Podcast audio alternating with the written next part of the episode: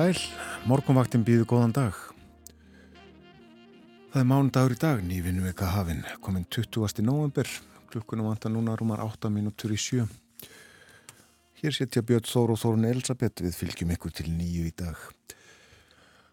Og hugum að aðstæðum í landinu, byrjum á að nefna að eh, á fórsíðu viðstofunum á sjá að frá miðnætti hafa mælst rúmlega 400 jarðskjáltar yfir kvikuganginum á Reykjaneska stæsti af stær 2,7 og uh, hann mæltist norðausta við Hagafell lust fyrir hálf 2 í nótt.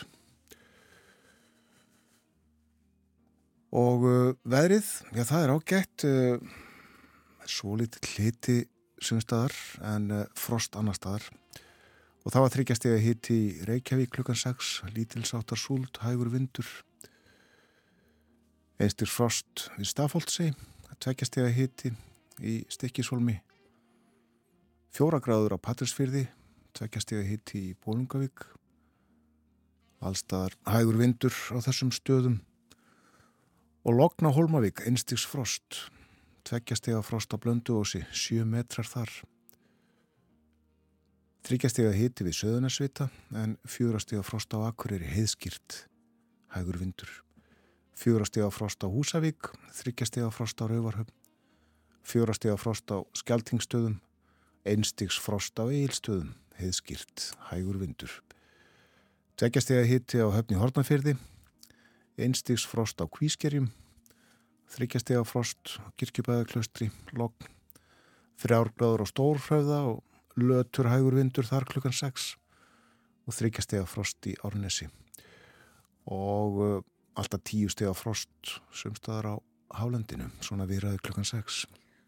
Já, ágætti sveður og uh, það segir í aðtjóðasemt frá veðurfræðingi að undafarnar fjórar vikur hefur verið austlæg átt ríkjandi á landinu og veður lengst af með rólæra móti en næstu daga er útlitt fyrir breytingu á veðurlægi og uh, það er nú í morgunsárið djúblægð við suðvestur Grænland og hún nálgast okkur smám saman í dag. Það verður því hægt vaksandi suðlæg átt á landinu fyrir partags og væta með köplum en þurft og bjart fyrir austan og hlínar í veðri. Síðdegis ganga svo skil frá lægðinni inn yfir landið. Þá bætir í vind og úrkomu og í kvöld má búast við all kvasri sunnanátt með talsverðri rigningu sunnan og vestanlands. Það bætir enn frekar í vind í nótt og í fyrramálið er útlitt fyrir sunnan, kvassviðri eða storm með áframhaldandi rigningu og hlýju veðri. En eftir hátegi á morgun verður vindur söðvestlægari og það kólnar þá með skúrum eða jæljum. Á norðaustanverðurlandinu verður úrkoma þó lítil sem engin. Það dregur svo hægt og bítandi úr vindi á miðvöggudag en áfram má búast við skúrum eða jæljum á vestanverðurlandinu þá. Svo sínist mér að það gangi í hvað sviðri aftur á fymtudag austan til á landinu og eh, eins og heyra má þessu þá já er að verða svo litur breytingar á verðinu. Kóluna held ég þegar líður á veikuna. Við skoðum uh, færðina og sjáum að það er hálka á Norðurlandi Það er allt blátt, dökkblátt og víða á Östurlandi líka og uh, vestfjörðum og vesturlandi. Uh, Sumstaðar er ljósblátt sem merkir hálku blettir og uh, þannig er ástandið sumstaðar á Östurlandi og einnig á Suðurlandi. En svo er hér fjólublári í kortunum og hann táknar flughálku og það er flughált víða á Suðvesturlandinu, einnig í uppsveitum borgarfjörðar og sumstaðar á vestfjörðum líka á uh, þröskuldum til að mynda. Vetrarfærð sem sé víða en uh, ekki bara vetrarfærð uh, við að með einhver aðtökli á því að uh, vart hefur orðið við blæðingar, vetrarblæðingar á nýju uppfyllingunni yfir Þorskafjörð. Vegfærandur hafið það í huga.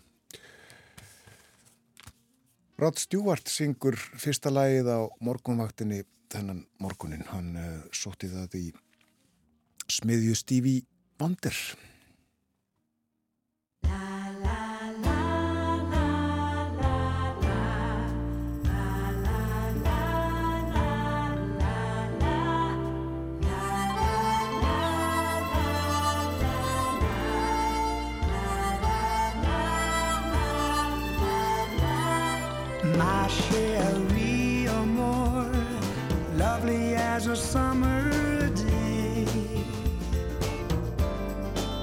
My Sherry or more, distant as the Milky Way. My Sherry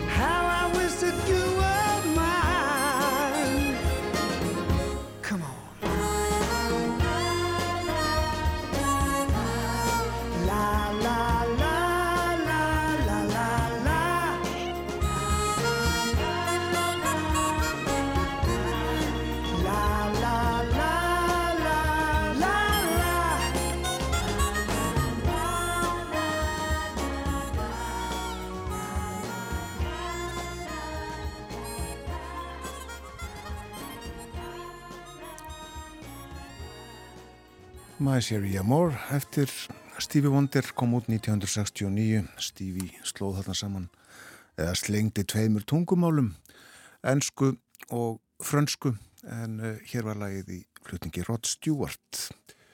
Það að fréttum hjá okkur á morgumvaktinni kom eftir uh, rúma halva mínútu eða svo. Við förum ítalega yfir dagskrá þáttarins. Að loknum fréttum lítum í blöð, innlend og erlend og hlustum á tónlist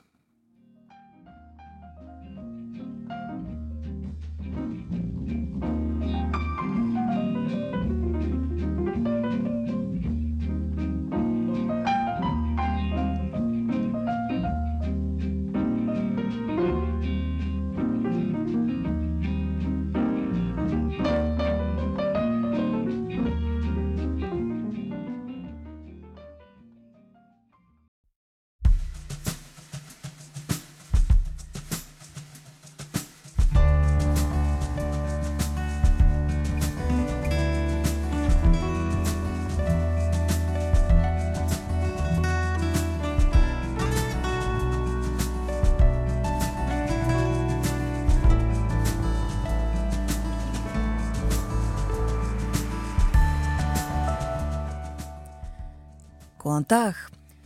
Morgunvaktin hilsar mánudaginn 20. november. Umsjónumenn eru Björn Þór Sigbjörnsson og Þórun Elisabeth Bóadóttir. Og við fjöllum um utanríkistefnu Íslands í þættinum í dag.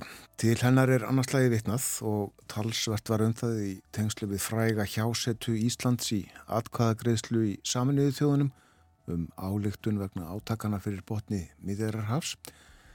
En hver er utanríkistefna Íslands? Er hún til meitluði stein og nær þá yfir helstu álítamál? Eða er hún kvik í samræmi við hvernig vindar blása í heiminum í það og það sinnið? Við veltum þessu fyrir okkur með Baldri Þóraldsinni, professor við Háskóla Íslands, professor í stjórnmálafræði. Hann verður hjá okkur upp úr hálf átta. Og utrengismál Íslands verða einnig á daskra hjá okkur á morgunvaktinni eftir morgun fréttinnar. Ísland á, á samt Noregi og Líktenstein í deilum við Ungverja vegna styrkja á vettvangi Evrópusamstarfs og þau mál verða líklega rætt á fundi ráþararáðs EES samningsins í Brussel í dag. Björn Malmqvist fréttamaður í Brussel, hann fer yfir þetta. Og í síðasta hlutu þáttarins ætlum við að fjalla um völfur. En út er komin bókin Völfur á Íslandi eftir sér að Sigurd Ægjesson. Sigurður fekk áhuga á völfum þegar hann þjónaði austur á landi fyrir næstum 40 árum og hefur nú loksins lokið við að skrifa um þær bók. Við ringjum í Sigur til Siglufjörðar þar sem hann hefur þjónað í rúm 20 ári síðasta hluta þáttarins. Og veðrið, það verður bara ágætt svona fram með degi en uh, svo hversa setjumpartin? Já, það eru breytingar í veðrinu eins og bóðað hafði verið fyrir helgi. Það er uh, sunnanátt í dag 5-13 metrar á sekundu og væta með köplum en létt skíjaðum landið austanvert. Það bætir svo í vind síðdegis, sunnan 10-18 metrar á sekundu í kvöld og rigning, talsverð úrkoma sunnan og vestanlands og það línar smám saman hitin 3-9 stig í kvöld. Það bætir enn frekar í vind í nótt og fyrramálið og Í fyrramálið er útlitt fyrir sunnan 15 til 23 metra á sekundu og regningu en það verður áfram þurft að kalla um uh, landið norð-austanvert. Hítin á morgun 6 til 12 stig. Það verður svo vestlægari átt eftir hádegi með skúrum eða jæljum og kólnandi veðri en letir til á austurlandi.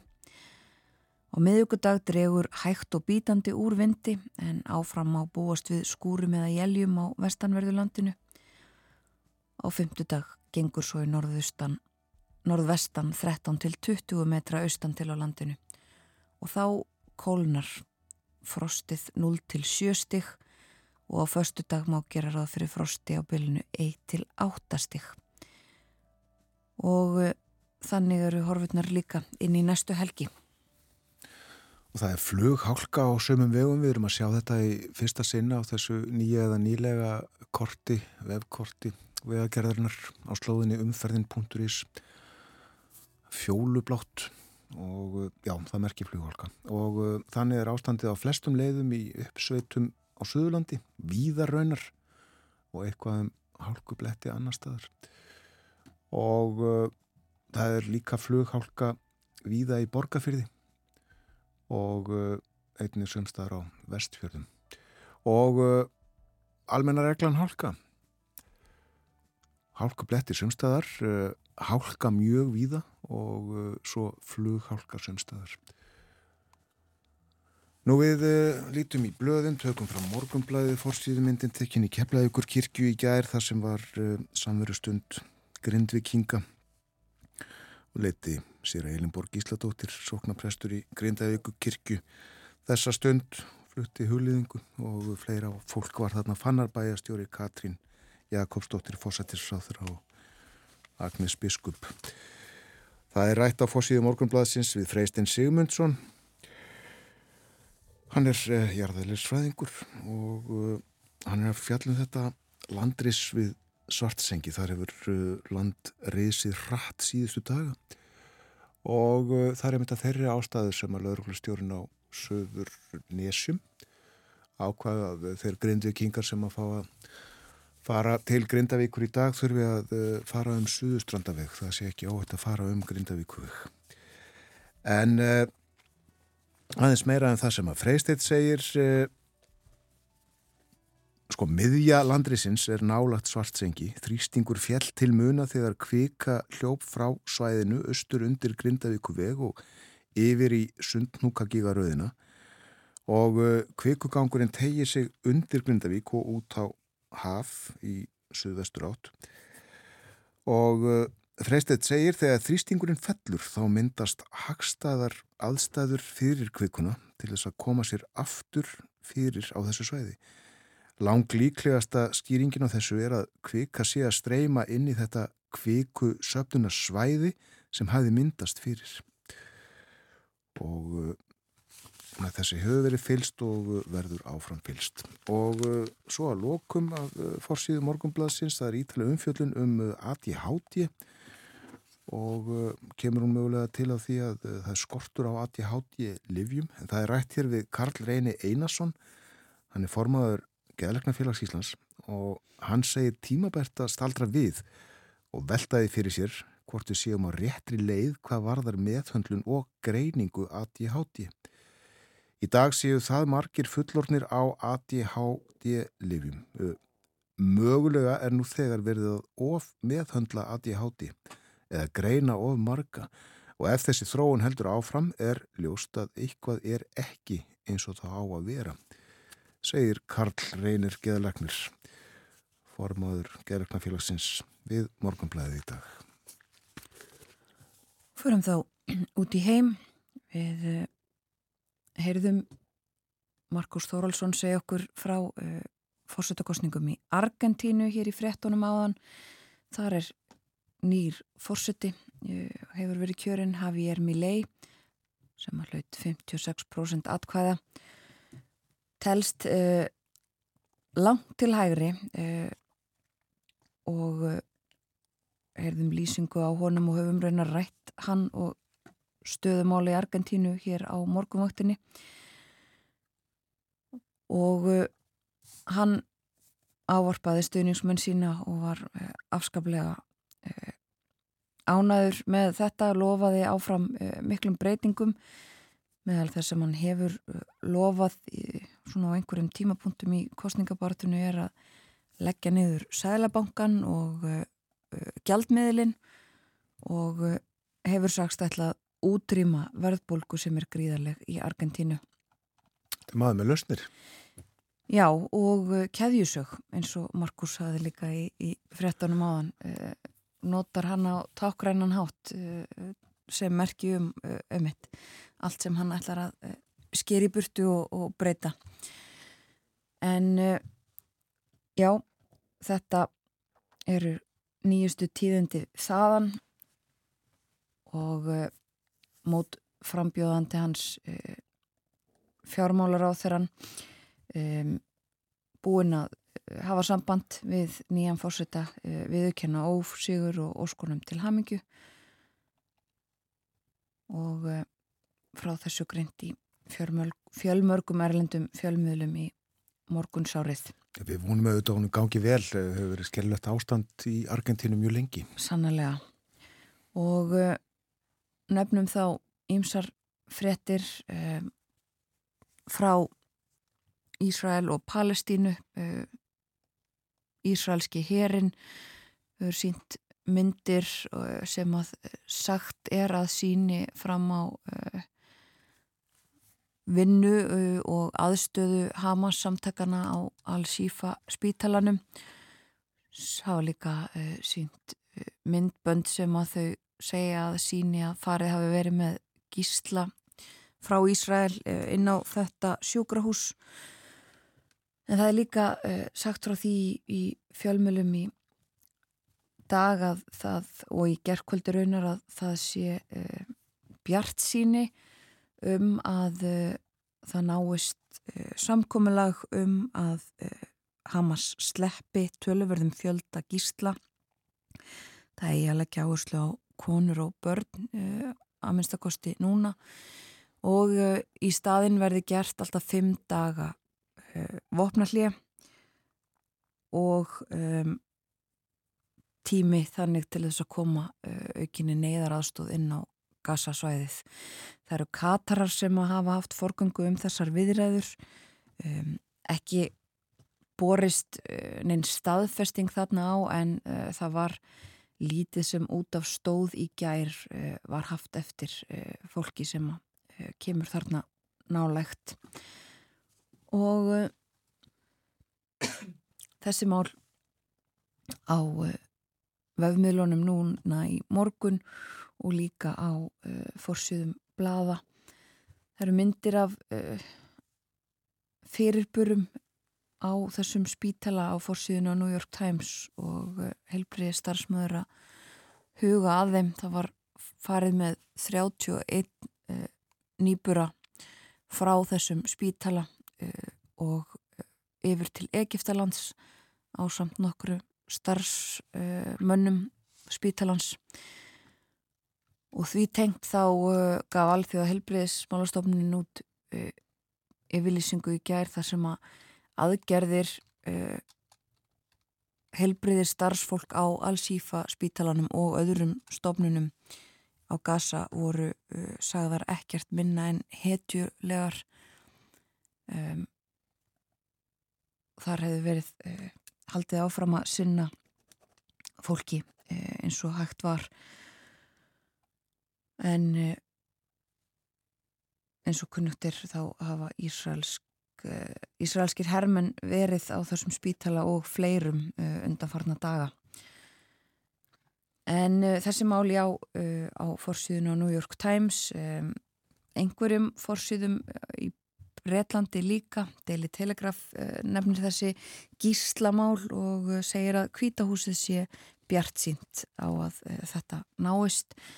En annars um, mikið til bresk pólitík á þessum fórsýðum það er uh, fjallaðum uh, haust yfirlýsingu uh, Jeremy Hunt fjármálar á þeirra Breitlands á þó nokkrum fórsíðunum uh, hann vilji uh, læka skatta á fyrirtæki það sé forgangsmál en allt sé á borðinu það uh, eigi að fara að koma Breitlandi á leið lægri skatta.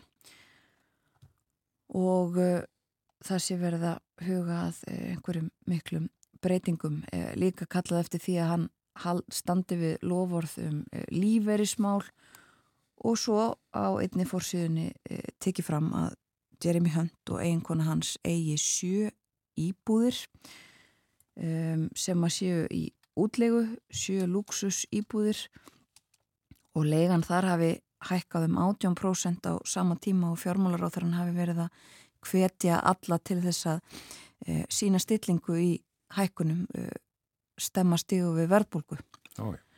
En e, þetta er í Daily Mirror sem að hafi og náði sambandi við e, talsmanni fjármálaráþarann sem sagði að allur gróði var í gefindu góðgerðamála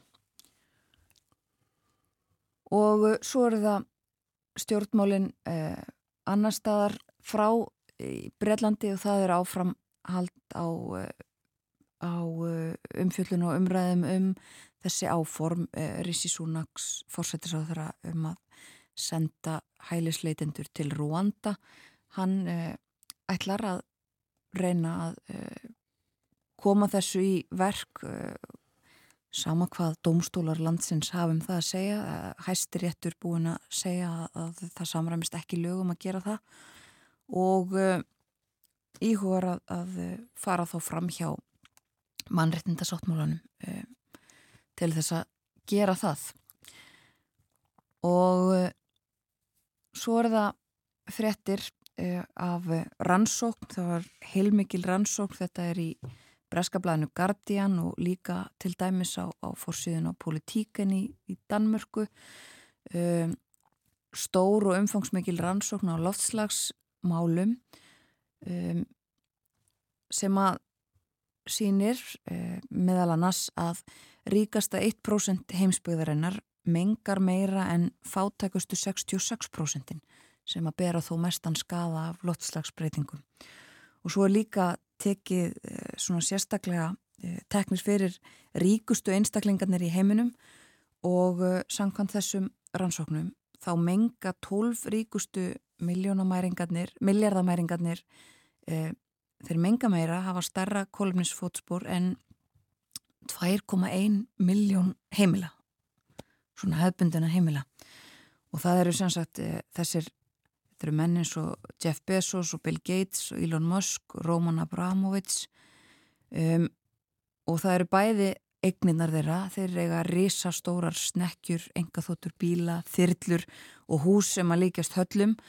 Um, en það er ekki bara þetta heldur líka fjárfestingar þeirra og hlutabrjáa eign sem að um, er töluverð í uh, yðnaði sem er mjög mengandi og skadalegur Það er hægt að sjá alveg heljarinnar úttektir á þessu uh, í, á VF Guardian og líka einhverjum mitt af norrænu blöðunum. Þetta var uh, loftslags um, loftslags uh, í Stokkólmi líka sem kom þarna að og Oxfam heilmargar fjölmargar tölur og, og úttektir á þessu sem sagt, en segjum þetta gott af erlendum fréttum í byli. Þurfum að tala eins um fókbóltak, gekk ekki nóga vel í uh, Lissabon í gær. Eða hvað, uh, Portugal auðvitað eitt besta landslið í heimi og uh, Portugal fór með sigur af holmi í leik Portugal og Íslands. Það var loka leikurinn í undankeppni fyrir Europamótið í Þýskalandi á næsta ári. 2-0 niðurstaðan og uh, Ísland uh, vann sem sagt í þremur leikjum í uh, þessari undakefni og gerði eitt jafntefni. Ísland lagði líktinstand tvívegis að velli og Bosníu og Hessekovínu einu sinni. Gerði jafntefni í leik gegn Luxemburg en tapaði sex og hafnaði í fjórðasætt í riðlunum og mörgum vombriði, margir höfðu, veit ég, mann ég, eftir dráttin í reilnum augastað á öðru sætinu, töltu að Íslanda ætti að geta náð því en uh, liður var fjórum sigurum frá því. Og uh, þá er ekki hann að gera hann að vona gangi bara betur næst. Það er annars af uh, landslismálum að frétta að hvernaliðið tekur nú þátt í þjóðadeild Evrópu og leikur næst núna um mánaðamótin fyrst 1. desember gegn Vils og svo 5. desember gegn Kaupanahöfn, nei, gegn Danmörku í Kaupanahöfn. Þetta er dagskráin í fókbaltunum. Rétt að þinginu, það er þingfundur í dag, hefs klukkan þrjú og uh, byrjar á óundribúnum fyrirspurnatíma en svo fer fram sérstök umræða. Afleðingar harravaksta fyrir heimilin í landinu og uh, það er Þorbjörg Sigriður Gunnlósdóttir sem er málsæfjandi, hún situr á þingi fyrir fyrir viðreist og til ansvara fjármála og efnaðsráð þeirra Þórtís Kolbrún. Og uh, að þessari umræðu lokinni verður uh, fjallæðan þetta nýja lagafrumvarp félags og uh, vinnumarkaðsráð þeirra tímabundin stuðningur til greiðslu launa vegna náttúru að hann fara í Grindavík. Og ég nefni líka að á fundi velferðanemndar alþingis sem hefst klukka nýju Þar verður uh, rætt um jarðræðingar í Grindavík og nákvæmni gestur koma fyrir nefndina. Segjum þetta gott af uh, blöðum, uh, innlendum og erlendum fótbolta og dagskrá alþingis í dag. Gott í byli allavega og uh, setjum hér lag á fónin. Hér er uh, Una Torfa.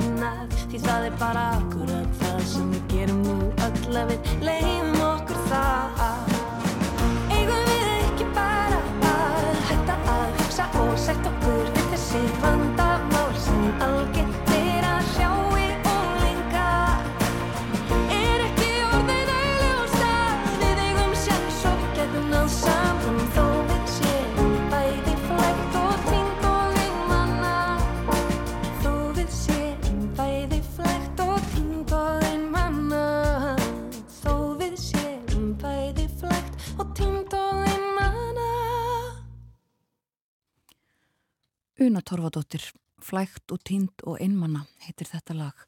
Uh, samnemt plötu sem að hún gaf út uh, í fyrra. Við förum að hleypa frettastofunni að, uh, yfirleitt morgun fretta kemur eftir fjórar mínútur og uh, svo ætlum við að tala um utaríkismál, við ætlum að tala um utaríkisstefnu Íslands Það er stundum talað um hana, vitnaði í hana um, þegar að einhver mál eru í umræðunni en eh, við ætlum að tala við Baldur Þóraldsson, professor í stjórnmálafræði við Háskóla Íslands um ég bara þetta fyrirbæri sem utaríkistefna Íslands er eh, eða hvað er hún til og meitluð í stein eða síbreytileg. Tölum svo áfram um auðaríkismálinn eftir frettinnar klukkan átta með Byrni Malmqvist í Brussel og uh, ver, þar verður uh, fyrirferða mikill fundur ráþæraráðs EES samningsin sem fer fram í Brussel í dag. Og í síðasta hluta þáttarins þá fjöllum við um völfur. Sér að Sigurður Ægjesson hefur skrifað bókum þær og við ætlum að forveitnast um hana í síðasta hluta þáttarins. En næsta dags frá morgumvaktarinnar er yfirlitt morgumfrétta frá fréttastofunni.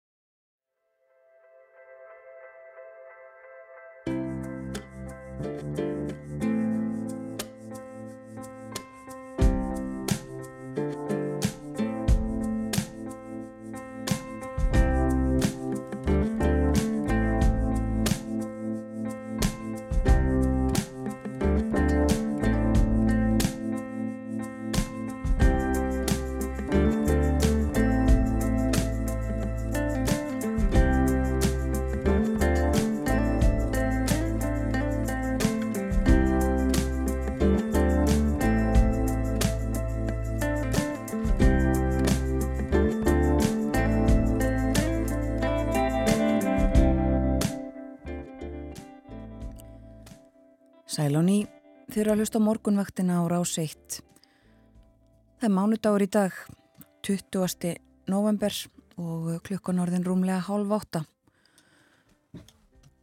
Lítum aðeins eh, örstuð til veðurs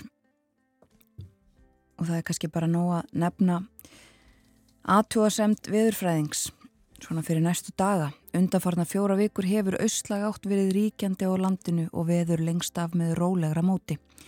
Næstu daga er útlitt fyrir breytingu á veðurlagi. Í dag mánudag er spáð vaksandi sunnanátt með vætu og hlínar.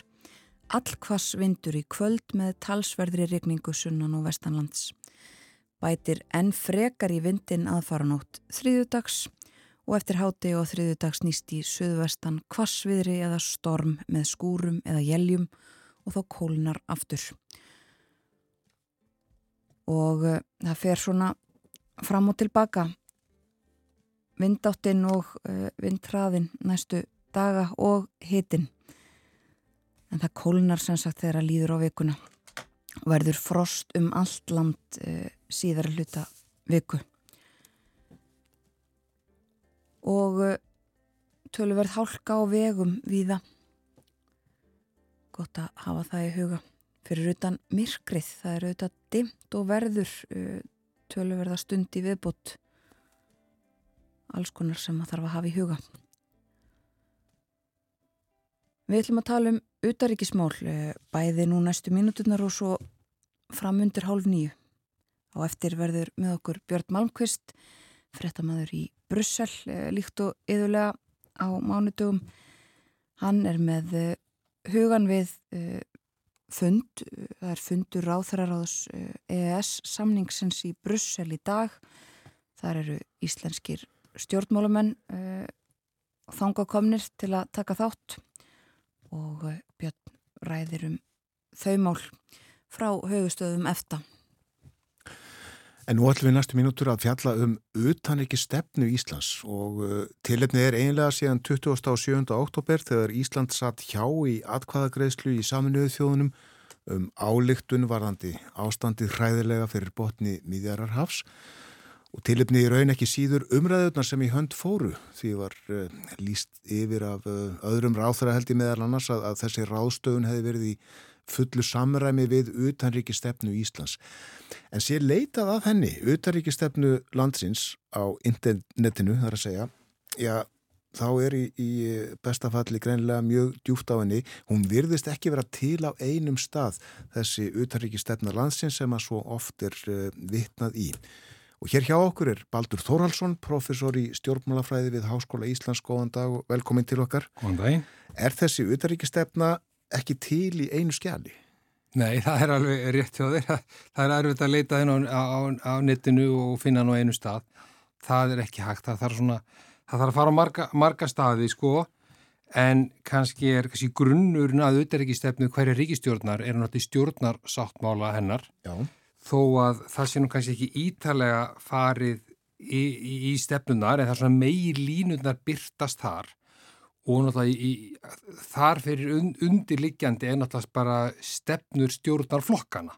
Þeir skipta vera miklu máli bara sem stefnumótandi aðilar og svo náttúrulega stjórnarsáttmálinn. Síðan myndi ég næst fara í þjóðuröryggistefnuna e, sem tekur náttúrulega sérstaklega til öryggis og varnarmála en hefur verið svona að vikka út með nýjustu breytingum e, á henni til að taka til svona fjölþjóða og ogna á, á mörgum sviðum.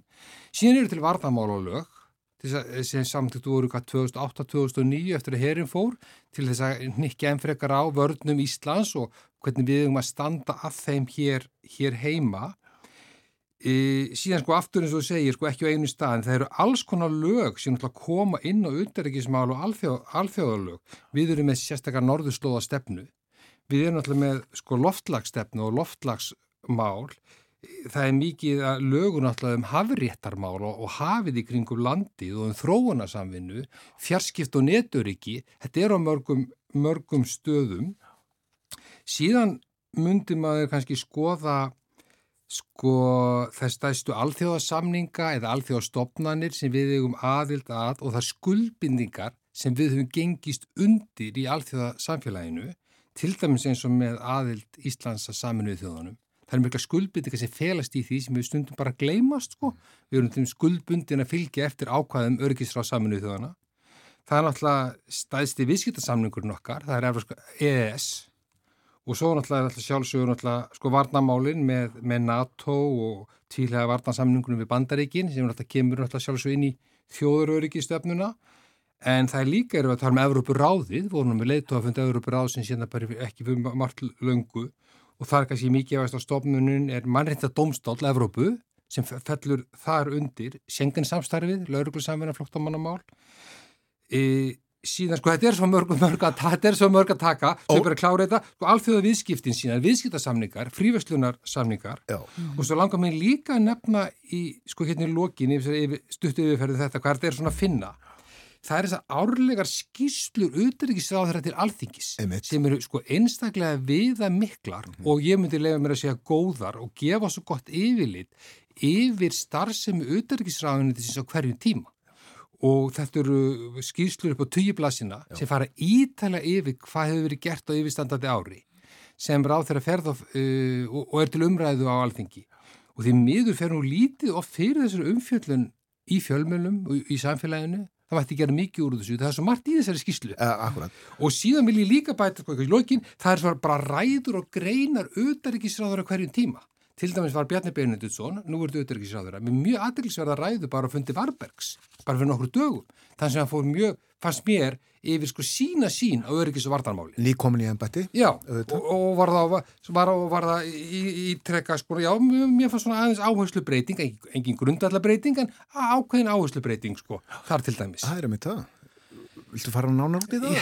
Já, svona meira kannski áhersla á að enn frekari áherslur og ebla e, varnarsamstarfið, e, byggja upp varnir hér á landi í samra, samstarfinu alltaf við e, bandalagsríki okkar innan allarsafsbandalagsins, tekið mjög af skaruðu það að öryggisungverðið kringum Ísland hefur breyst e, og við því þurfum við að, að, bregðast við að mikill festu í samfunum við bandalagsríkin.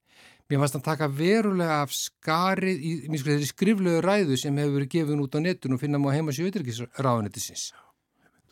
Ónefndi er baldur líka Norðurlandarsamstarfið sem eru þetta uh, býstað umfósmikið. Al, al, al, algjörlega og, og, og þar kannski sko, ef við skoðum það sem ég nefndi fyrst sem var í stjórnarsáttmáli, mm.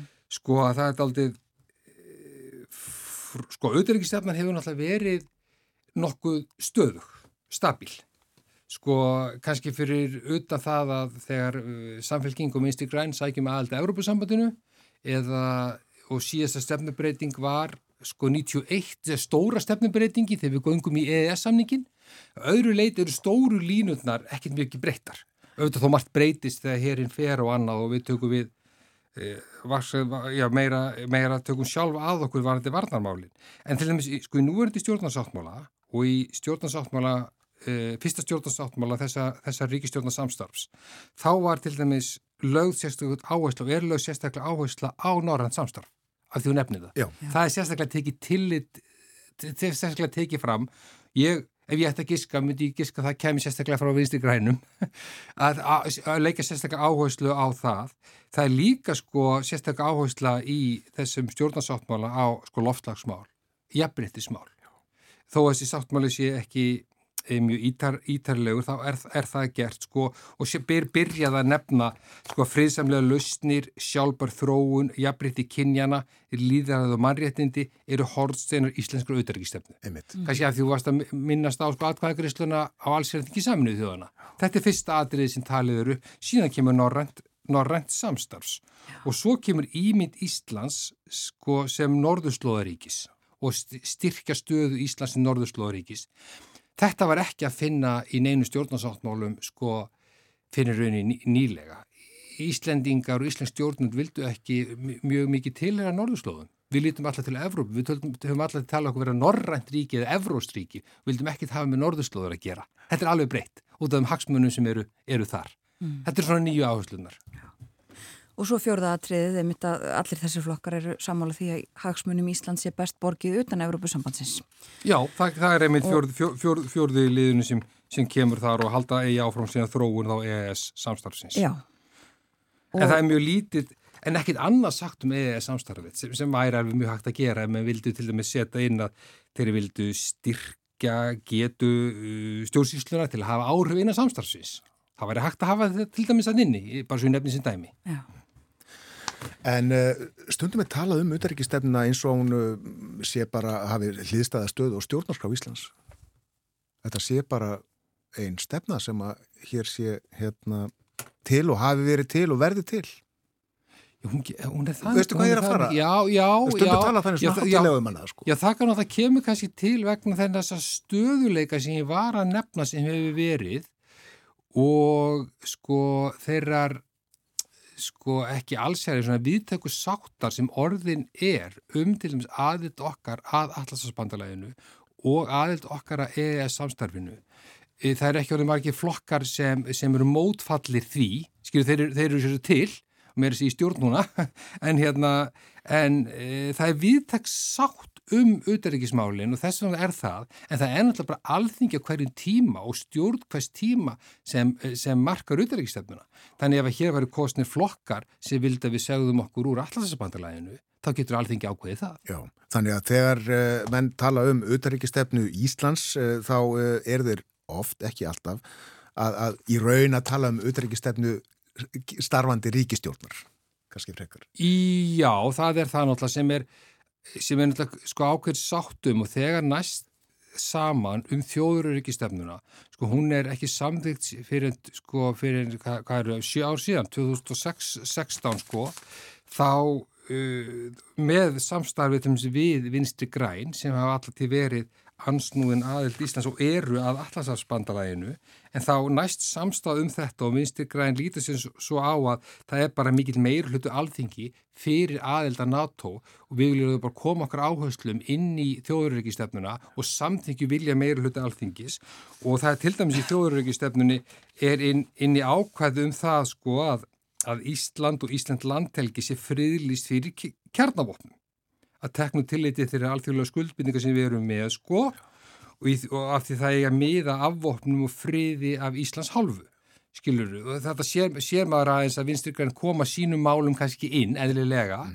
í staði fyrir það að, að svona samþykja það þegjandi að, að við séum í Atlasafs, uh, uh, bandalæginu Já, hún er uppalega samt í 2016 og svo er gerað breytingar fyrir á þessu ári í februar held ég. Já, það, ég held að sé í stefnunni er, er hveðið áum það að það eigi endur skoðan fimm ára fresti ef ég, mm. ef, ég, ef, ég, ef ég man rétt og núna var henni kannski, henni var kannski aðeins útvikut til þess að ná til þess að fjöld, þjóð, þættu ogna sko eins og bara skipulari glæpastar sem er hriðjuverkum og varandi nefnir orkuöryggi og fjármál og efnahagsöryggi og fjarskiptaöryggi nefnir svona ímis þessi mál sem eru ofalega bögi eru ofalega bögi en hún alltaf hveður skýrast á um það er aðitt Íslands að Allasafsbandalæginu og varnasamningunum við e, bandaríkin.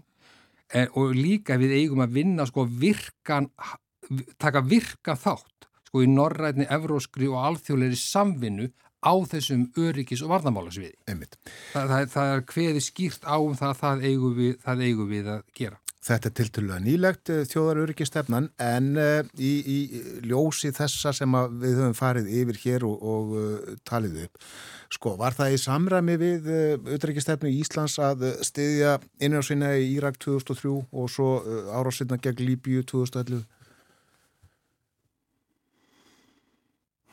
Sko, það er náttúrulega ekki hveðið á um þetta nákvæmlega, sko, sko nú, nú man ég ekki nákvæmlega hvernig stjórnarsáttmálar á þessu, þessum voru. Þetta voru náttúrulega ríkistjórn sjálfstæðisflokks og, sjálfstæðisflokks og framsöndaflokks. Þetta er náttúrulega ákvarðarinn sem þarf að taka í ljósi þeirra alþjóðlega aðstæðina sem eru uppi á hverjum tíma fyrir sig og rétt eins og, og bara þeirra viðræðina sem eiga sér stað til þess að alls er að þingi saminuð þjóðana, hvort sem það var þá við Írakstríðið eða þá núna varðandi málefni sko palestinumanna, skilju og Ísraels. Þannig að það er kannski erfitt að setja það, setja það beint fram þannig og erfitt að segja, segja til um það ef að mann töldu að það væri nöðsynlegt sko að koma ráðamunum frá í Líbíu og í Írak til þess að stuðla að e, friðsælegurum heimi mm. það myndi með að tellja að það væri, væri skilju, aðri myndi segja að það væri glabræði og það hafði nú ekki það hafði mjög slæmar aflæðingar í fjörmessir í, í tilfelli Íraks. Menn sá það kannski ekki alveg fyrir því skiljiði menn það var rauksemt að fæslu fyrir þessu menn er að reyna að stuðla betri heimi þó það kannski herfilega mistækist Ég nefndi þetta því að þetta var mjög umdelt á sinn Algjörlega, mjög mikil umræða um þetta og, og tala um þetta færi gegn. En þetta er líka spurningin sko eins og ég nefndi á þann sem friðsamlegu lausnir við um að sko grundvöldar atriði að verða líðræði og mannréttið, jafnrétti, kynjan og svo framvegis.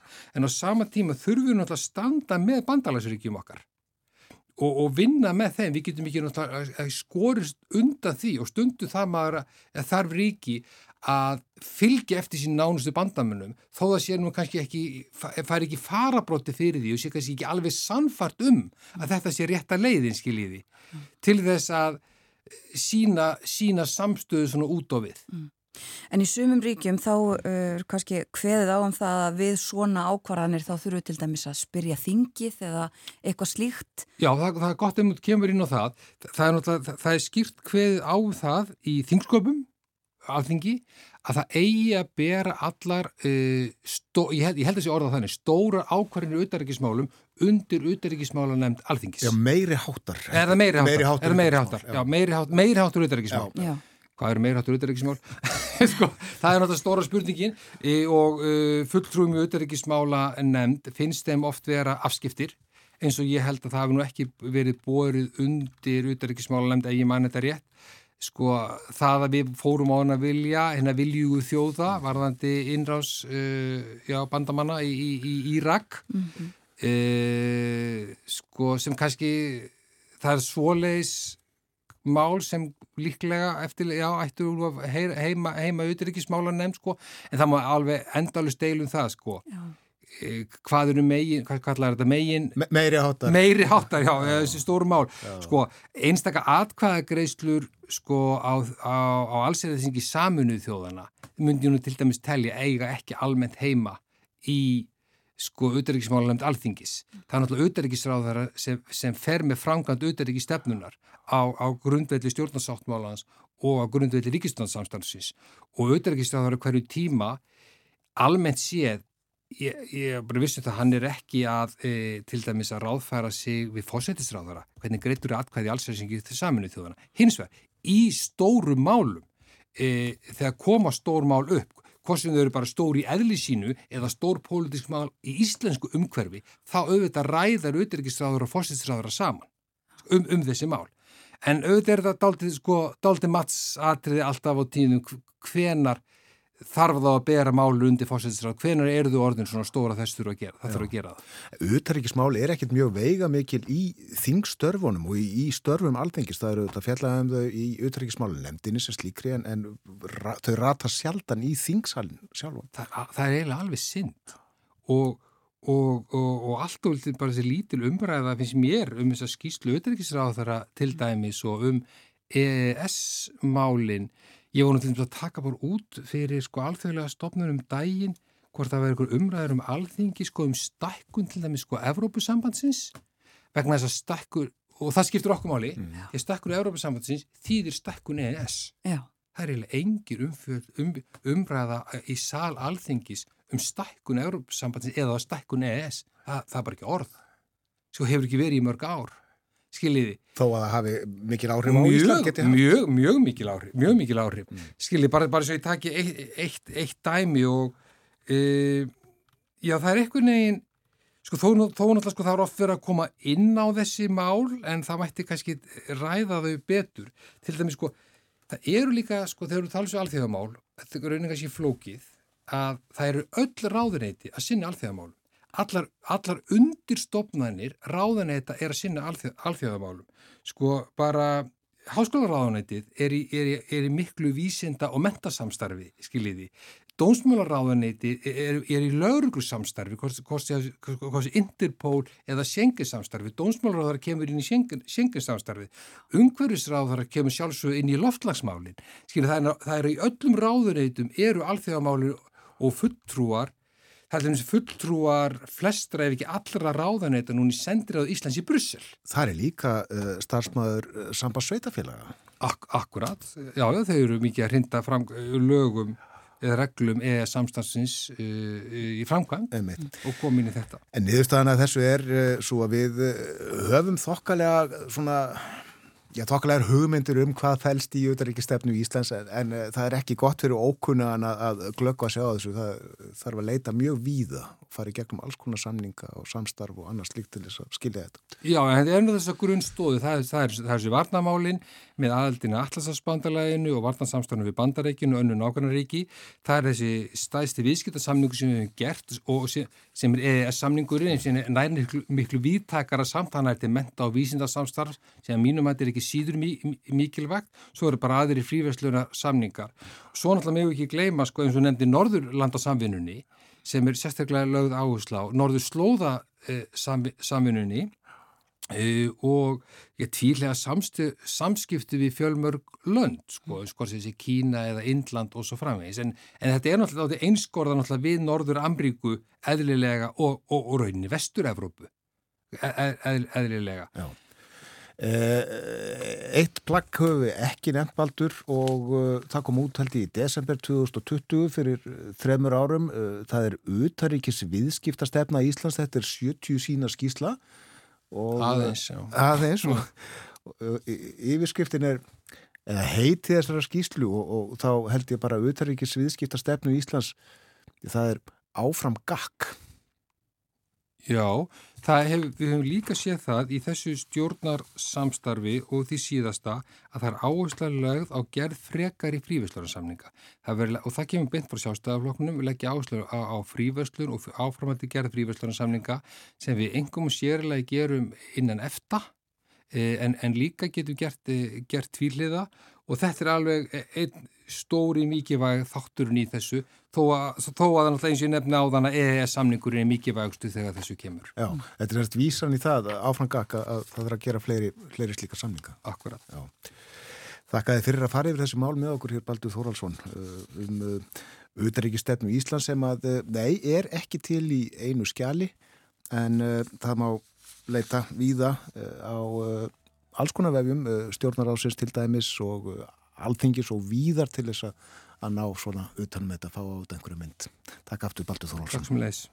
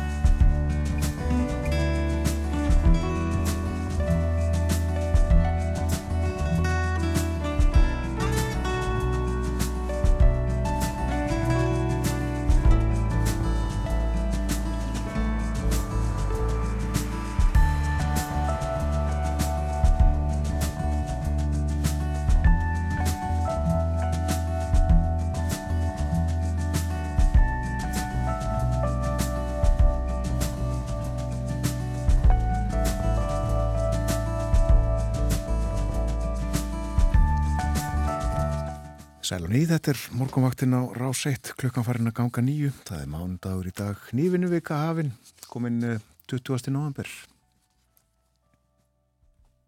Við rættum um utaríki stefnu Íslands hér áðan fyrir frettinnar. Baldur Þóraldsson, professor í stjórnmálafræði, var gestur okkar og eh, fóri yfir þessi mál og hefur verið töluvert til umræðu undanfarið utaríkis stefna Íslands. Hún er ekki neitt uh, eitt ákveðið skjál Baldur uh, fór yfir alls konar uh, þætti sem þarf að horfa til.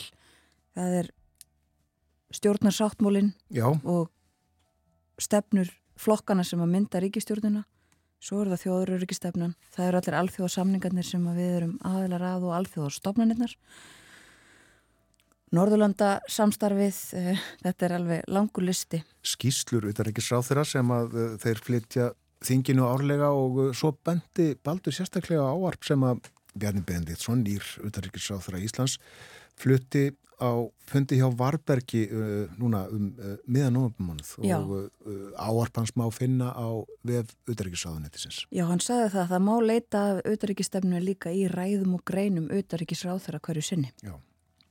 En við viljum halda áfram að ræðum utaríkismál uh, og eitt af þessum stærstu atriðum í utaríkisstefnu Ísland sem baldur tiltók er uh, EES-samningurinn, stærsti samningurinn sem að Ísland er aðilega að. Og uh, EFTA og EES-mál um, mjög veigamikil í íslenskri utaríkisstefnu. Björn Malmqvist, frettamöður í Brussel, er með okkur. Góðan dag Björn. Góðan daginn. Og þú ert, stattur er það ekki í höfustöðum eftir í Brussel þar sem að EES, já það er ráð þeirra ráð EES ríkjana kemur saman í dag? Já, það er rétt. Uh, Það er sem sagt, það eru EES-ríkjana sem eru Noregur, Lí- sem sagt, Ísland og Liechtenstein og, og, og þeir, þeir koma hér saman og hitta fulltrúa frá framkvæmdastjórn og ráþeiraráði ESB. Það er að segja þeir hitta hérna sem sagt uh, einn af varafósettum framkvæmdastjórnarinnar, mann sem heitir Maros Sefcovic sem hefur reynda komið til Íslands uh, einu sinni eða, já sko allavega einu sinni. Uh, hann er með á sinni könnu samskipti við, uh, við sem sagt, EES-ríkin. uh, hérna eru líka fulltrúar vinnumarkaðarins, hérna eru líka þingmenn frá Íslandi. Það er svona verið að, svona, svona holt og bolt verið að fara yfir stöðuna á, á samstarfinu. Uh, Ráðþyrarnir, þeir, þeir, þeir hittast hér á sex mánuða fresti með, með, með fulltrúum sérst, Evrópusambandsins. Uh, en það er líka til eitthvað sem heitir þingmannanemnd EES og EFTA, þingmannanemnd e- sérst, EES uh, samstarfsins og, og þar sitja einhverjir sex íslenskir þingmenn ef ég man rétt uh, og ein af þeim er Þorgerur Katrín Gunnarsdóttir, þingmaður viðræstnar og hún er hérna hjá mér. Góðan daginn Þorgerur Já, góðan daginn. og velkomin til Brussel. Já, takk fyrir. Þú situr í, eins og ég sagði, þingmannanemnd EES-ráðsins. Sko, ef við förum að, bara aðeins yfir þetta, og það er mikið að tala um, en sérst, hvert er hlutverk þessa þingmannaráðs sem að hér hittist? Já, það er í rauninni að, að samræma og, og upplýsa og veita aðhald, reyna að fylgja eftir, þetta er náttúrulega annars vegar er þetta eftaríkin, það eru, þá eru fjögur ríki, þá er það Sviss, Lichtenstein, við og, og Norraugur og síðan eru til hliða líka þessir fundir sem að varða EES-samningin og þá er Sviss í rauninni úti á meðan. En, en þetta er fyrst og fremst til þess að, að hal- viðhalda þessu samstarfi, vita hvað, hvað það er sem við þurfum að taka til okkar. Við erum náttúrulega að ræða eins og núna á þessum fundi erum við að ræða önnur mál sem að hafa áhrif á Evrópu og Evrópu samstarfi eins og til að mynda stríðið í, í Úkrænu. Við erum líka að, að ræða uh, meðal annars hvaða áhrif uh, stækkunarferli uh, ESB mun, um, hvaða áhrif þau munu hafa á, á samstarf meðal annars við eftaríkin og þá um leið á EES-samningin. Sko Baldur Þórólfsson var í vitali hérna á morgunvattinu bara núna fyrir fréttur og var einmitt að tala um að, að þessi, svona, þessi umræða um stækkun sem hefur verið vissulega talsvert á flugi hér í Brussel og náttúrulega svo veist, allstæðar í Evrópu á undanförnum mánuðum. Hún hefur kannski ekkit rosalega mikið ratað inn í sal alþingis þótt að þetta geti mögulega skipt okkur talsvert miklu máli þegar, þegar framlega stundir. Já, það er alveg rétt. Uh, Í rauninni allt og lítið. Við höfum, tökum þessa umræðu um utryggismál einu sunnu ári þegar utryggisáþara gefur skýslu og þá ræðum við þetta og við komum bara hver flokku kemur inn á þessi mál. En hitt er síðan að, að eh, við erum að sjá það að þungi Evrópusambansins og fókusin er að færast mjög til austurs og það er ekkert óverlegt, það er komið ný sem eru stór tíðindi að, að Úkraina, eh, Moldova og, og Georgia eru núna orðin komin í umsóknarferli og viðurkend sem slík. Og það þýðir að, að við þurfum að beita öllum tækjum og verkfærum til þess að, að tryggja það að EES samningurinn haldi svona gildi og maður finnur það alveg hér líka þegar við erum að hitta þingmenn frá Európusambandinu á fundum að, að þeim finnst við Íslendingar eða við sem erum uh, aðilar eða EES við hafa fengið mjög mikið fyrir ekki nægilega mikið uh, gagnframlag. Þannig að það er eins gott að við gerum það sem þarf að gera til þess að viðhalda EES-samningnum og, og svona í gegnum tíðina allavega frá því ég byrjaði á, á þingi sem er nokkuð langt síðan að þá hefur nokkuð mikil eindregni verið við það að, að heima að gæta að EES-samningnum og gera það sem þarf til þess að hann virki fyrir, fyrir fyrirtækin, atvinnulífið, heimilin og svo framvegis.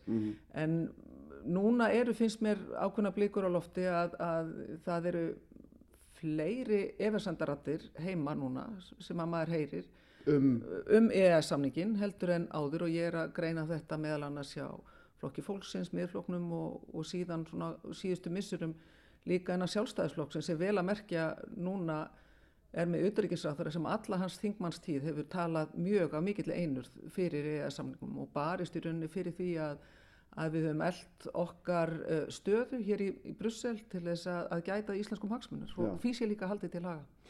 Eitt af því sem að forveri Bjarnar Benediktssonar í stóðu lögdaríkisrátt Þúrdís Kolbrún uh, sem sagt uh, ætlaði að leggja fram á þingi en það kláraðist ekki var þessi margumtalaða bókunum 35 sem að, sem að fjallar í rauninni um það að, að sem sagt, að, hérna, að lög og reglur uh, sem eru samþykkt á vettfangi ESB og tekin upp í, í lag og umhverfi EES ríkjana haf, hafi forgang fram yfir íslensk lög. Hvað heldur þið með, með það frumvarp núna? Já, það er náttúrulega með þeirri bókunni verið að áríkta hvaða íslensk lög eigi að, að, að hafa forgang.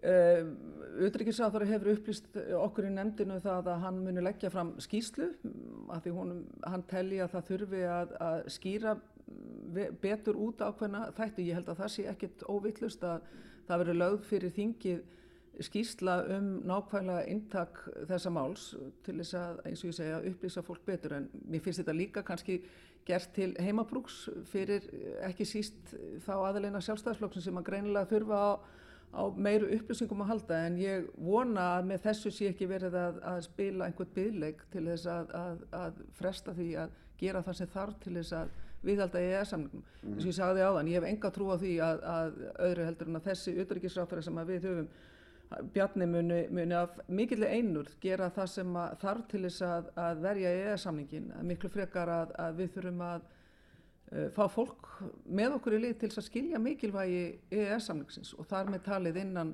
þessara flokka sem að ég taldi upp á.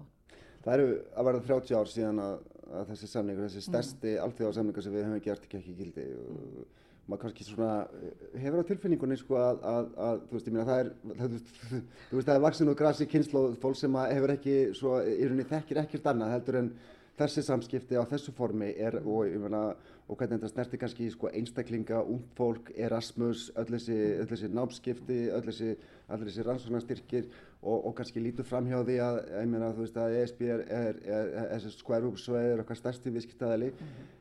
Svona, spurningin er kannski sko, veist, tekur fólk þennan samning bara sem gefnum hlut og hugsaður ekkert um að frekar, ég meina hver er staðan á svona einhvern veginn í, veist, ímynd og ásýnd og, og afstöðu fólks uh, heima að gagvartana. Já, ég held að sé nákvæmlega eins og þú segir að fólk uh, gengur ánum gefnum að ákveðnum lífsgæðum heima sem gefnum sem að komi emitt í gegnum uh, og með EES samstarfinu og, og þetta var risa ákvörðum fyrir 30 árum. Það stór að, að það skrefar miklu, miklu starra heldur en næsta skref sem við myndum taka þá inn ef við gerum það að væra að fara inn í Evrópusambandi, það skrefir þið minna heldur en skrefið sem við tókum inn í EES-samningin. Uh, já, ég held að við þurfum frekari upplýsingar til fólks uh, bara þessi, þessi lífsgæði heima allt frá þessum hlutum yfir í það að þegar við komum ykkar út að þá erum við ennþá á, á reikisamningi við þurfum ekki eins og þegar við þurfum núna að fara til Breitlands eða, eða Bandaríkjana að, að gæta okkur að, að öllum uh, svakalegum háum svímreikningum eins og var hér árum áður.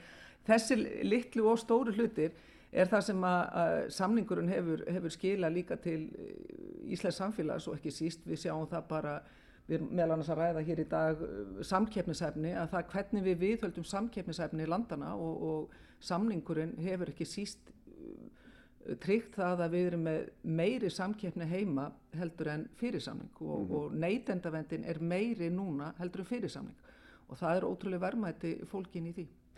Þú kemur úr flokki sem að heiti Viðreistn og hefur lungum haft á sinni stefnusjá að, að, Ísland ætti helst að ganga inn í Európa-sambandið. Mm -hmm. Nú ertu hér til, til að fjalla um EES-samningin. Hvað með þetta stóra mál sem að kannski svona defineraði þinn flokki upp af allavega? Já, það er einfalt máli í mínum huga og huga okkar sem erum í viðreistn að, að þetta er, það er bara einfalt að taka næsta skrif og leifa þjóðinni að, að, að ákveða það hvort að ég halda áfram með viðræði. Við erum nú ekki, ekki frekari til fjárins er það að byggja um að þjóðinni veri treyst fyrir því að taka næstu skrif og ef að þjóðin segir já, að þá uh, verði dregin fram samningu sem þjóðin sjálf færa vega og meta hvort það sé hennar, uh, hennar hagsmunir að ganga inn í Európusambandið, ekki láta einhverja uh, aðra segja okkur fyrir verkum hvað, hvað svona samningur þýðir. Við munum líka til að mynda umræðanum þriðja orkupakkan, alla, alla þær dómadagsbár sem átt að fylgja og við sjáum verildina í dag, við hefum ekki mist neyn yfir á eða gert neitt, mist neitt hvað það varðar til, til Európusambandsins, þannig að, að við teljum já mikilvægt að þjóðin fái þessa aðkomu og réttin til þess að ákveða sína eigin framtíð, ekki síst unga fólkið. Mm -hmm. Við sáum nákvæmlega hvert við þór unga fólksins í Breitlandi var gagvart Brexit, 70% 25 ára og yngri vildi ekki yfirgefa Evrópussambandi. Þetta er framtíðamál. En hér í Brussel eru við einfallega komið til þess að passa upp á eftir samstarfi, veruleikin er eins og hann er í, í dag og þá reynum við í, í viðreysn og allur þingmannahópurinn sem er hér uh, svona þær politíski ásinn að, að passa upp á EFTA og, og EES samningin og það er svona okkar ábyrðar hlutverk að, að, að við stígum ekki skref tilbaka í þeim efnum. Þorgirur, það er þetta verkefni í dag. Ég þakka að kjalla fyrir komuna á morgunvaktina Björn og Þórun. Uh, við ætlum kannski aðeins að tala meira saman um, um Evrópu. Það eru kostningar í Hollandi á miðugudegi. Já, einmitt og þú uh, sagður okkur frá því fyrir skömmu en nú, já, stittist í þetta. Hvað er helst að frétta? Það hefur verið gerað nýja kannanir til dæmis. Já, það er svona, lítur út fyrir það að, að flokkur Mark Rúte sem er reyndar á útleið, Mark Rutte sem, sem er búin að vera fórsettur núna í hvað 13 ár, hann er, hann er uh, sáflokkur Vaffafd, heitir hann, hann er á toppnum, uh, mm. þar er áhugaverður arftæki Rutte, hann, hún heitir Dílan Jeselgös, hún er kona af, af hérna, uh, ættum kurda, hún er sem sagt, hún er sem sagt, hennar upprunni er utan, er utan Hollands og hún er svona, já, kannski fyrir mér sko svolítið andlit svona nýs eða svona nýs samfélags í, í, í eða svona kannski svona andlit nýrar ásýndar svona samfélagsins í Hollandi og reyndar í mörgum öðrum Európaríkjum uh, hún er sem sagt uh, hún er hérna, lítur ekki alveg út eins og rútt, ég skulle segja það. En hún er hins vegar svona tilturlega íhaldsum og, og hérna rekur, hefur reykið til dæmis harðarstefnu í innflytjandamálum uh, uh, og hún er ekkit ekkert greiðlega frjálslag sko frjálslind þannig séð í sko þeim málum uh, hún er svona hún, hennar flokkur og, og rúti hefur verið efstur í könnunum uh, svo er þessi nýji flokkur sem að, sem að kallast af einsku New Social Contract eða nýji samfélagssáttmálinn Þar er uh, maður uh, bara stjórnmálamaður með reynslu en með glænían flokk, ef ég mannrætt að vara stofnaður í, í ágúst, hann, hann hefur verið með yfir 20% fylgi. Svo er mjög áhugaverðu maður sem heitir Frans Timmermann, hann, sagt, hann var hér í Brussel yfirmaður, uh, hann var sérst, í Frankværtastjóri hjá, hjá Væribórsambandinu og var yfir lofslagsmálum. Hann, hann yfirgaf sitt starf þar til þess að, hérna, til þess að leiða í rauninni bandalag Eh, verkamanna eh, flokka og, og, eh, og, og umhverfið sína í þessari kostningabaratu. Hann hefur verið áberandi í kostningabaratunni, hann geti allt eins komist til áhrifa en hans býður kannski svolítið erfitt verkefnið því að umhverfismál eru mjög umdelt þess að dagana í Hollandi Uh, til dæmis út á nýju reglgerðum sem að snúast um uh, losun á köpnunarefni sem að koma til með að hitta fyrir sko hollandska landbúna mjög illa. Þannig að það er svona eh, kannski verður svolítið mála að komast fram úr þeim skapli síðan ekki gleymum heldur hérna Gert Wilders. Hann er náttúrulega eh, þessi hvað, hvað segja, klassíski öfgahægri svona á móti innflytjandum uh, maður sem að errendar orðin sko sá þingmaður í Hjálandi sem hefur mestar einslan hefur setið á þingi í 25 ár uh, en, en, en hefur samt aldrei komist í ríkistjórn kannski af ástæðum sem eru tildurulega auðlösar. Já, en er hann í, í frambóði og hans flokkur? Hvernig? Já, já, hann já. er í frambóði og, og hann verður alveg örglega, hann, hann fyrir hann á þingaftur og hann hefur svona stöðut fylgi sko en, en hérna en, en hann er bara hann er rosalega langt til hæri sko. En það er, það er mjög svona litrikt sko flokka umhverju ég menna ég held að séu einhverjur 10-15 flokkar í frambóði sko og mögulega einhverjir 8 til 10 sem að, sem að getur komast að þing sko. Og, og uh, þetta, þetta gerist sérstaklega með ykkur dæn uh, við fáum fyrstu niðurstöðunar svona kannski um svona nýju eitthvað svo leiðis, nýjuletið á miðugöldarskvöldið og það er engin leið að segja til um hvernig þetta mun líta út nema það. Við veitum að Mark Rutte, hann verður ekki á þingi, hann verður ekki ráð þeirra, hann er hættur, hann er búin að gefa það út að hann sé alveg til í að skoða NATO uh, starf, það er náttúrulega verið að leita eftir manni þar. Akkurat. Uh, hann er ekki svo eini, um þess að Kaja Kallas, fórsettur svo þeirra Íslands, hún gaf það át um daginn að hún hefði alveg áhuga ef hún er, er, er í spurð.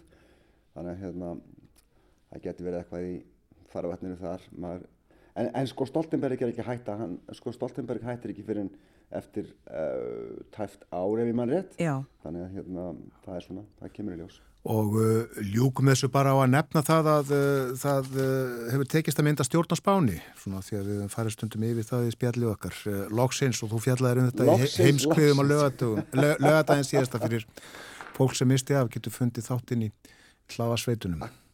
Akkurat, við vorum með það í heimskuðum og lögadaginn og það, já, það er náttúrulega samkomulag sem er ennþá alveg gríðarlega umdelt. Það voru mörg hundru þúsund mann sem að mættu á mótmæli í Madrid og annar staðar á Spáni á, á sunnudaginn og þá voru tveir dagar, sko, liðinni síðan að Sanchez var, var Pedro Sanchez var formlega setturinn í embætti. Uh, þingið samþykti, þingið í Madrid samþykti á femtudaginn hans uh, stjórn, það er að segja meiriluti þingmanna samþykti hans stjórn á femtudaginn, það voru 179 þingmenn af 350 hann þurfti 176 uh, til þess að hérna, til þess að fá meira hluta, hún er tókstað uh, sumi segja að hann hefði gert rosaköp aldarinnar. Aðri segja að, að þetta sé besta leiðin til þess að sætta ólík sjónamið og svona kæla umræðuna um aðskilnað og sjálfstæði hér aða á spáni, gleymum því ekki að, að umræðan um aðskilnað og sjálfstæði hefur ekki bara verið bundin við Katalóni, heldur líka við Baskaland og annar staðar, ég meina Baskar náttúrulega eins og, ég, eins og Jóhann Hlíðar Haraldsson sagði okkur frá í heimskvöðum hann, menna Baskar, hann var náttúrulega háð stundum blóðu að baráttu fyrir, fyrir sjálfstæði og hérna uh, kannski sem myndi svolítið á sko, átökjun á Norður Írlandi á árum áður. Það er nú allt sem hann svona, með kyrrum kjörum þar og, og, og, allt það. En, en, en það er svona spurning hvernig Sanchez sko, gengur að ekki aðeins að fást við þessa litlu flokka aðskilnaða sína sem að samti við og koma þessari sakar uppgjöf í gegn sem að gengur út á að um 300 manns fái uppgefna sakir fyrir að taka þátt í uh, baráttu fyrir sjálfstæði og atkvæðagreislunum 2017 sem við kannski munum öll eftir á, í Katalóníu.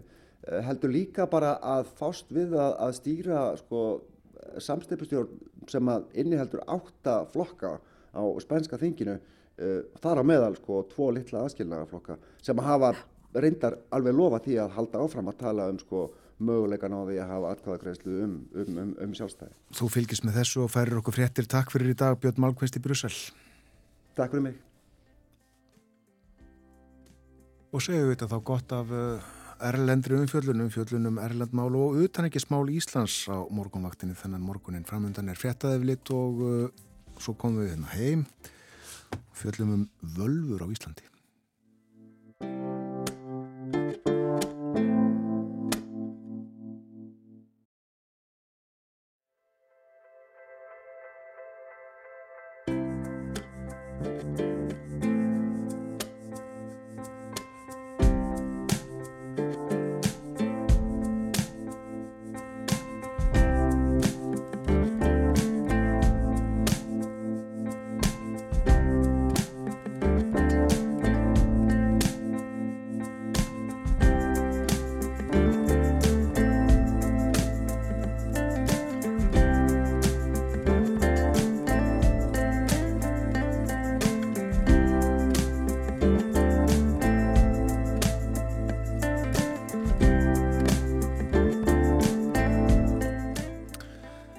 Ný, þetta morgunvaktin á rás 1 klukkan réttliðlega hálf nýju. Þættinum hefur borist bók Völfur á Íslandi, heitir hún. Höfundur er Sigurður Ægjesson, prestur á Siglufyrði og hann er raunar höfundur margra annara áhugaverðra bóka um þær sömar höfuð spjalla hér í þættinum við Sigurð. Og hann er í símanum, heil og sæl og góðan dag Sigurður. Já, sæl, blessaður. Blessaður. Já, það er nú fullt tilefni til þess að fjalla um völfur í tilefni af útkomu bókarinnar. Já, til hamingi með hana. Já, takk. En svona fyrir fólk sem að ekki þekkir til þeirra, uh, þá held ég að sé rétt að, að byggja þig um að útskýra við hvað er átt nákvæmlega. Hver er eða var svona hinn formlega og nákvæma lýsing á völvu? Hvað gerðu völfur? Sko, völfur er nafn á á þessum konum í norrænum átrúnaði sem, sem voru, já, það voru ýmislegt af því að það verðast að veri bæði e, sunda kvítakaldur og svartakaldur. E, suma voru ja, læknar og, og aðrar voru svona að hjálpa fólki að, að spá í, ekki spá í, heldur svona að sjá í, í framtíðina og, og eitthvað á þeim nótum. Já. Merkilegar konur, uh, Já, völfur voru konur, svo það sé á reynu. þær voru konur, já. já. Og þær voru bísna margar á Íslandi. Já, það verðast að verið nokkuð margar og, og við eigum nöfn á sömum þeirra eins og til dæmis uh, þurriði sundafelli í Bólungavík sem var nú landnámsmaður Þórdís og Spákunufelli á, á, á Skagaströnd og svo var hún hérna í Holmsheiði eða Kamsheiði hún hérna Himlaug, Króksarannesi. Þetta er svona uh, það, það sem eru mest ábyrrandi í, í Íslingarsögunum. Þórdís til dæmis að spákunarfelli kemur fyrir fjórum Íslingarsögunum.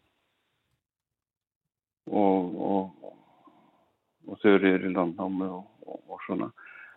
En við veitum því meður ekkert óalega mikið um, um þessar konur sérstaklega frekar en aðra. Þetta er svona þetta er mjög brotakent en það sem kom mér á stað í þessu er að það hafa varðveist örnefni viðan land sem að eiga að vera sem sagt dísjar eða guml þessari kvenna völvuleiði er, er, þessi örnefni eða völvudís eða, eða völudís eða, eða eitthvað sleikt það var það eiginlega sem kom mér á staði að, að, að, rannsaka þetta og, og skrifa þessi bók Já, uh, þú varst uh, ungu maður á djúbavogi, er það ekki, þegar þú fórst fyrst að velta þessu fyrir þér? Jú, það er víst. 1985 og var inn í komin og námi og, og komst að því að þeir fóru að heimsækja fólk hérna í kring að þessi önnefni var þetta bara sér tala, þarna væri völvulegið og eitthvað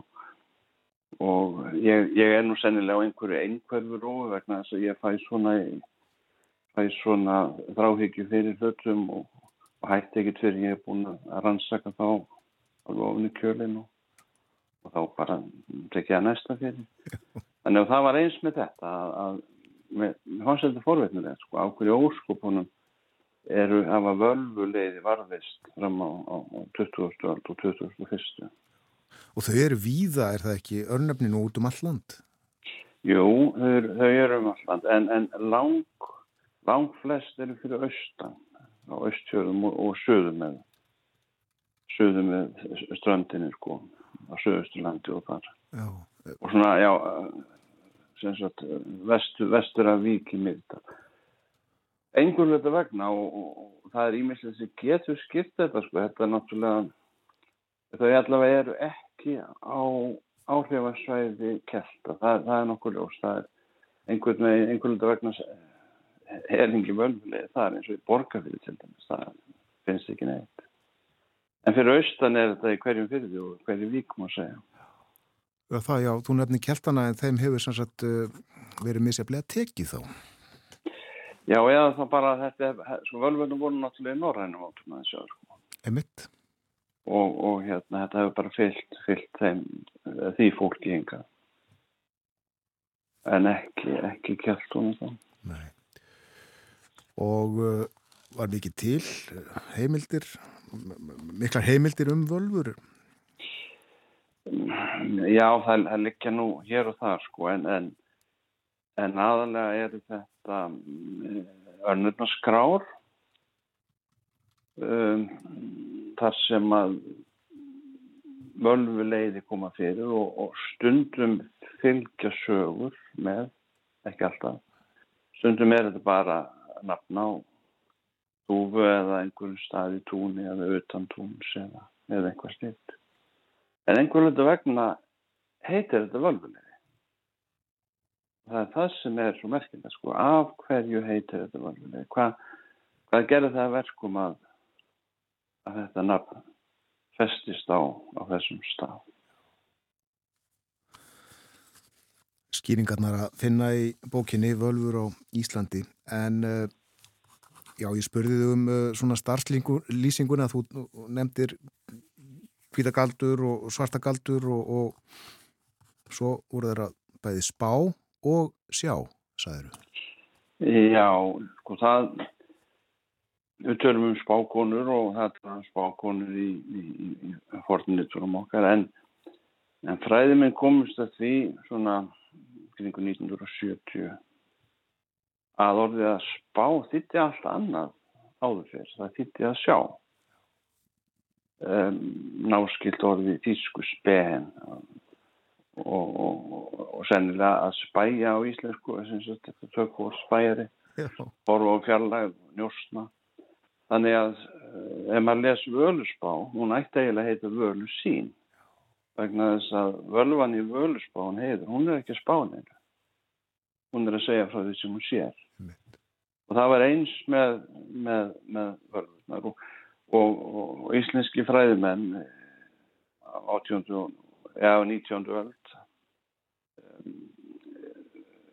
komið fram með þá ekki hugmynd eða bara vildu meina að íslensku völvurnar hefðu verið allt öðruvísi heldur en aðrar. Það hefðu verið búandi konur og, og stundu þá kvitagaldur og, og reynda aðstofa fólk og, og ég held að það sé rétt og það sé ástæði fyrir því að þær hafa sumstaðum land breyst í verndarvætti og til dæmis í reyðafjöli völvan sem ákvíla á, á hólmahálsi millir eða fyrir eskifjörðar. Hún er verndarvættur byggðarinnar og þegar það var gerður gert repsmerki fyrir reyðarrepp á sínum tíma 1990-91 þá var enn til samkjefni og hlutskörpust var hugmynd mann sem teknaði völvu og það varð merki veðarreps. Völvan að blessa fjörði. Það sýnir bara hvað þetta er ennþá stert í fólki og, og þetta er eins Kálafellstað og, og Einholt og, og eins og í Bólungavík.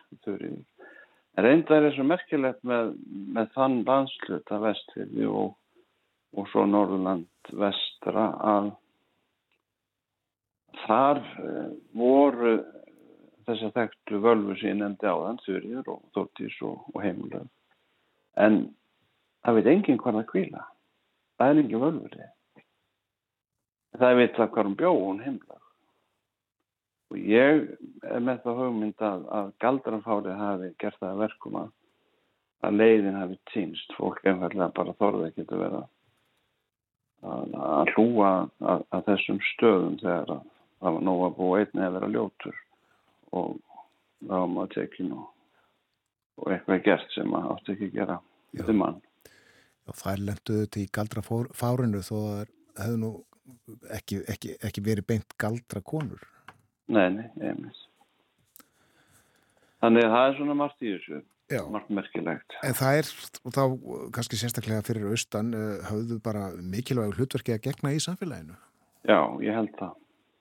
Og, og sko ég byrjaði á þessu 1985 um, það er um tíu árum síðar eru sænski forlegafræðingar með, með síningu bæði í Nóri og Sveitjó koma fram með nýja hugmynd og hún er svo að þessi steikar teinar sem að mennuðu þar til haldið að að játstangir væru sem að það fundist í, í, kvennakumlum þetta væru oft völvustafir og þá fór, þá fór allt og fullt á meðan fórlega fræðinga og, og þeir standa fremstir í þessum rannsóknu núna Nýr Præs sem er bresku fórlega fræðingu og svo, svo pólsku fórlega fræðingu þeir eru svona þessum standa fremstir í þessu.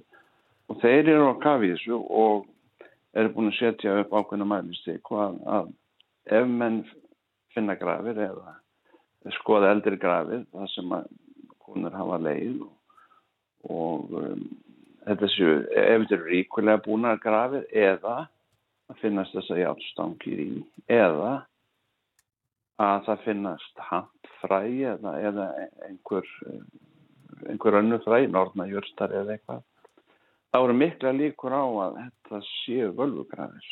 Þetta er á, í Skandinavi sem þeir eru að finna þetta.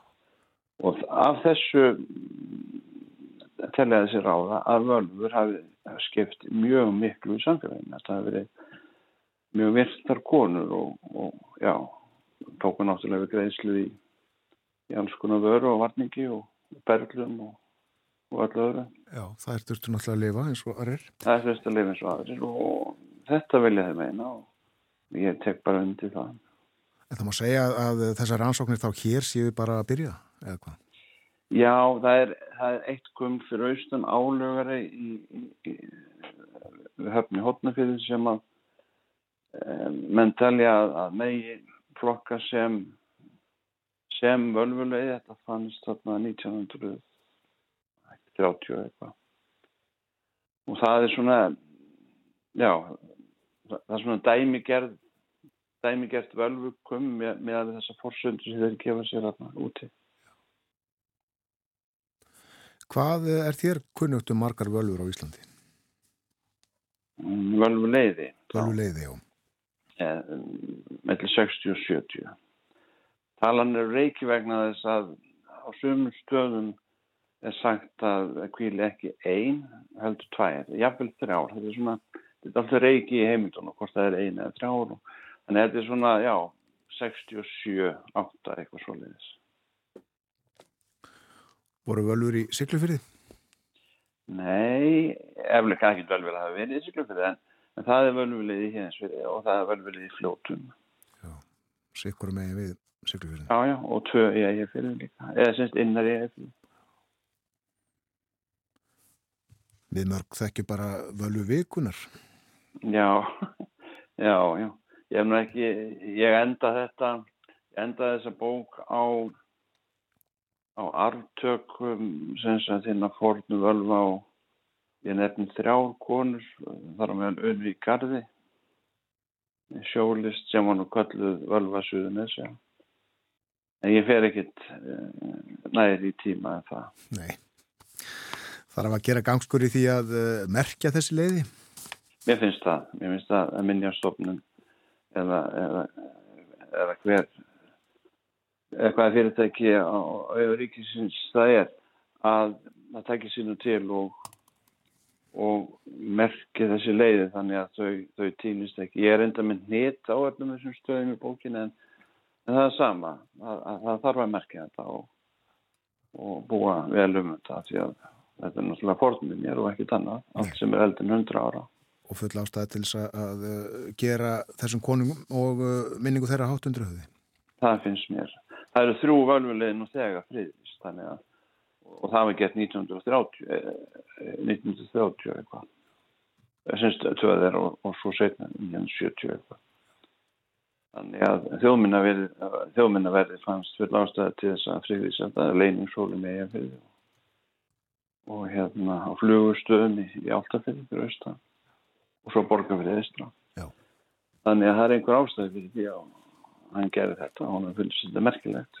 Og við erum bara að klára þetta verk og upplýsingar þannig Eh. bókinni þinni, Völfur á Íslandi. Já. Þakkaði fyrir spjalli Sigurður. Eru, takk sömulegis. Bless. Bless, bless, Sigurður Ægisson. Á Siglufyrði, prestu þar og uh, höfundur bókarinnar Völfur á Íslandi.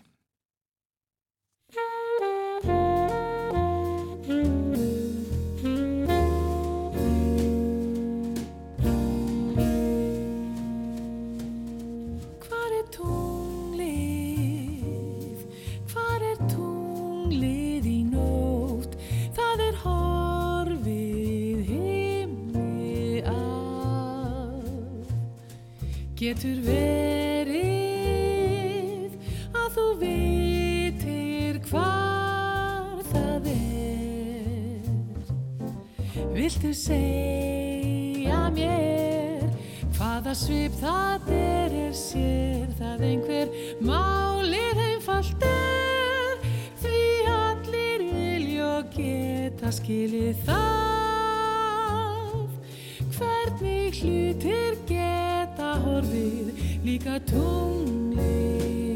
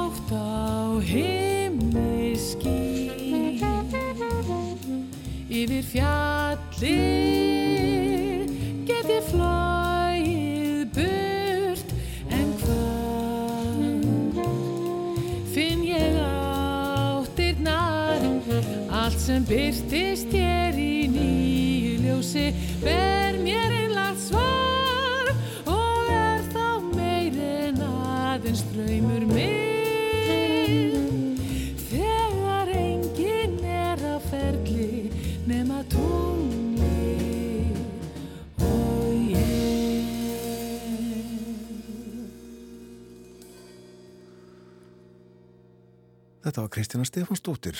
Hvar er tunglið?